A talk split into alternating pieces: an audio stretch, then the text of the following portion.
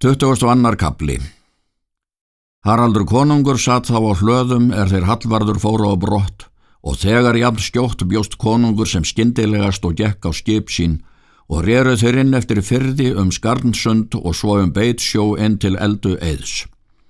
Let hann þar eftir skipin og fór norður um eði til Naumudals og tók hann þar langskipir bændur áttu og gekk hann þar á með lið sitt, hafði hann hyrð sína á nær þremur hundruðu manna Hann hafði fimm skip eða sex og öll stór.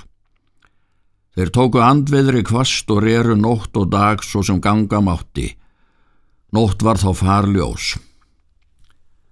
Þeir koma aftan dags til Sandnes eftir solarfall og sáu þar fyrir bænum fljóta langskip mikið og tjaldað yfir. Þar kendu þeir skip það er Þórólfur átti. Hafði hann það látið búa og ætlaði af landi brott en þá hafði hann heita látið farmun gátt sitt. Konungur bað menn ganga af skipum gerðsamlega, let hann fara upp merki sitt. Skamt var að ganga til bæjarins en varmenn Þóruls áttu inni við drittju og voru eigi gengnir á vörðin og var engi maður úti. Satt allt lið inni við drittju. Konungur let slá mannringum stofuna, lustu þeir þá upp herópi og var blásið í konungslúður herblástur. En er þeir Þórólfur herðu það, hljópu þeir til vopna því að hvers manns alvætni hjekki við rúmi hans. Konungur let kalla að stofunni og bað ganga út konur og ungmenni og gamalmenni, þræla og mannsmenn. Síðan gekk út Sigriður húsfreyja og með henni konur þærir innu voru og aðri þeir mennir útganga var lofuð. Sigriður spurði eftir eða þeir væru þar sinir berðlokára Þeir gengu fram báðir og spurðu hvað hún vildi þeim. Fylgji mér til konungs, saði hún. Þeir gerðu svo, en er hún kom til konungs þá spurði hún, skal nokkuðum sættir tjóað leita, herra, með ykkur Þórólfi. Konungur svarar, Vill Þórólfur uppgefast og ganga á vald mitt til miskunnar og mun hann halda lífi og limum en menn hans munu sæta refsingum svo sem sakar falla til. Síðan gekk Ölver núva til stofunnar og létt kalla Þórólf til málsvið sig. Hann sæði honum þann kost er konungur gerði. Þórólf svarar, enga viljeg nöðungar sætt taka af konungi, byrð þú konung gefa oss útgöngu, látum þá steika að sköpuðu. Ölveri gekk til konungs og sagði hvers Þórólfur beittist. Konungur sagði, berið eldað stofunni, ekki vil ég berjast við þá og týna liði mínu, veit ég að Þórólfur mun gera oss mannskaða mikinn ef við skulum sækja hann þar, er hann mun seint að vinna inni, þótt hann hafi lið minna en við er. Síðan var eldur borin á stofunni og sóttist það skjótt því að timbrið var þurft og brættur viðurinn en næfurum þakkið um ræðrið. Þórólfur bað menn sína brjóta upp bálkin er var á milli stofunar og forstofunar og sóttist það skjótt. En er þeir náðu timburstoknum þá tóku svo margir stokkin inn sem áfengu haldið og skötu öðrum endanum í hyrningina svo hart að navarnar hrötu af fyrir ötan og hljópu í sundur veggirnir svo að þar var útgangur mikill. Gekk þar Þórólfur fyrstur út og þá Þorgil skjallandi og svo hver eftir annan. Tókst á bardaginn og var það um hríð að stofan gætti á bak þeim Tórólfi en er hún tók að brenna þá sótti eldurinn að þeim, fjall þá og margt lið þeirra. Þá hljóf Þórólfur fram og hjó til begja handa, sótti þangað að sem merki konungs var. Þá fjall Þorgil skjallandi. En er Þórólfur kom fram að skjaldborginni lagði hann sverði í gegnum þann mann er merkið bar. Þá mælti Þórólfur. Nú gekk ég þremur fótum til skamt. Þá stóðu á honum bæði sverð og spjót, en sjálfur konungur veitti honum banasár og fjall Þórólfur fram á fætur konungi. Þá kallaði konungur og bað menn hætta að drepa fleiri menn og var þá svo gert. Síðan bað konungur menn sína fara ofan til skips. Hann mælti við ölfi og þá bræður. Takið nú Þórólf frænda ykkarn og veitið honum umbúna sæmilegan og svo öðrum mönnum er hér eru fallnir og veitið þeim gröft, en látið binda sár manna þeirra að lífvænir eru, en ekki skal hér ræna, því að þetta er allt mitt fjö. Síðan gekk konungur ofan til skipanna og flest lið með honum, en er þeir voru á skip komnir þá tóku menna binda sár sín. Konungur gekk um skipið og leit á sármanna. Hann sá hvar maður batt söðus á reitt. Konungur sagði að ekki hafi Þórólur veitt að sár og allt byttu honum annan veg vopnin. Fáir ætla ega þau bindi sárin er hann veitti og skaði mikillir eftir menns líka.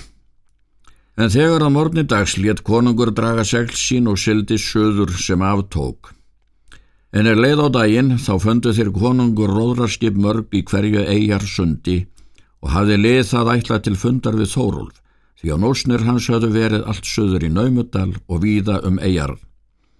Höfðu þeir orðið vísir að þeir hallvarður bræður voru komnir sunnan með lið mikið og ætluð að Þórólfi. Höfðu þeir hallvarður haft jafnan andveðri og höfðu þeir dvalist í ýmsum höfnum til þess er njósnaði farið um hið evra um land. Og höfðu þess orðið varir njósnar menn Þórólfs og hafði þetta herrlaup fyrir þá sög verið. Konungur sildi hraðbyrja til þess er hann kom í Naumöldal og letar skipin eftir, en hann fór landvegið þránteim, tók hann þar skip sín sem hann hafði eftirlátið hjælt á liðinu út til hlaða. Spurðust brátt þessi tíðindi og komu fyrir þá hallvarð, þar er þeir lágu, sneru þeir þá aftur til konungs og þótti þeirra ferð heldur hæðileg. Þeir bræður, Ölfur Núfa og Eyvindur Lambi dvöldust um hríð á Sandnesi, letu þeir búa um val þann er þar hafi fallið, bjöku þeir um líkt Þóróls eftir Siðvjenju svo sem títt var að búa um líku göfur að manna, settu eftir hann bauta stein. Þeir letu græða sjúka menn, þeir skipuðu og til bús með Sigriði, var þar eftir allur fjárabli en mestur hafði inni brunnið húsbúnaður og borðbúnaður og klæðnaður manna. En er þeir bræður voru búnir þá fóruð þeir norðan og komu á fund Haralds konungs er hann var í þrámteimi og voru með honum um hríð. Þeir voru hljóðir og mæltu fátt við menn. Það var einhvern dag að þeir bræður gengu fyrir konung. Þá mælti Ölver. Þess orlofs byggjum við bræður því konungur að þá lofur okkur heimferð til búa okkara. Því að hér hafa þau tíðindi gerst er við þeir berum eigi skaplindi til að eiga drikk og sess við þá menn er báru vopna þóról frænda okkarn. Konungur leit við honum og svarar heldur stutt. Egi munið það lofi ykkur, hér skulu þið vera með mér. Þeir bræður gengu í brott og aftur til sætis síns. Annan dag eftir satt konungur í málstofu, let kalla þanga þá alveg bræður. Nú skulu þið vita, segir konungur, um erindi það er þið hófuð við mig og beitust heimferðar. Hafið þið verið hér um hríð með mér og verið vel síðaðir, hafið þið vel jafnan dugað, hefur mér til ykkar allir hlutir vel hugnað. Nú vil ég, eifundur, að þú farið norður á Hálógaland, vil ég gifta þér Sigriði á Sandnesi, konu þá er Þórólfur hafi átt. Vil ég gefa þér fér það allt er Þórólfur átti, skaltu þar hafa með vináttum mína eða þú kant til að gæta. En Ölfur skal mér fylgja, vil ég hann eigi lausan láta fyrir sakir íþrótta hans. Þeir bræður þökkuðu konungi þann sómaður hann veitti þeim, sögðu að þeir vildu það fúslega þekkjast. Bjó steifundur þá til ferðar, fekk sér gott skip það er honum hæfði, fekk konungur honum í artegnir sínar til ráðs þessa. Greitist ferð eifindar vel og kom fram norður í álöst á Sandnesi. Sigriður tók vel við þeim. Síðan bar eifundur fram jartengnir konungs og erindi sín fyrir Sigriði og hóf bónor sitt við hana. Sagði að það var konungs orðsending að eifundur nái ráði þessu. En Sigriður sá þann einsinn kost svo sem þá var komið að láta konung fyrir ráða. Fór það ráð fram að eifundur fekk Sigriðar tók hann þá við búi á Sandnesi og við fétt því öllu er Þórólfur hafði átt, var eifindur göfugur maður. Voru börn þeirra finnur skjálki, fadir eifindar skaldaspillis og gerlaug er átti sigfatur rauði. Finnur hinn stjálgi átti Gunnhildi, dóttur Haldanar Jarls, móður hennar hétt Ingibjörg, dóttur Haralds konungs hins hárfagra. Eyvindur Lambi helst í vináttu við konung meðan þeir lifðu báðir.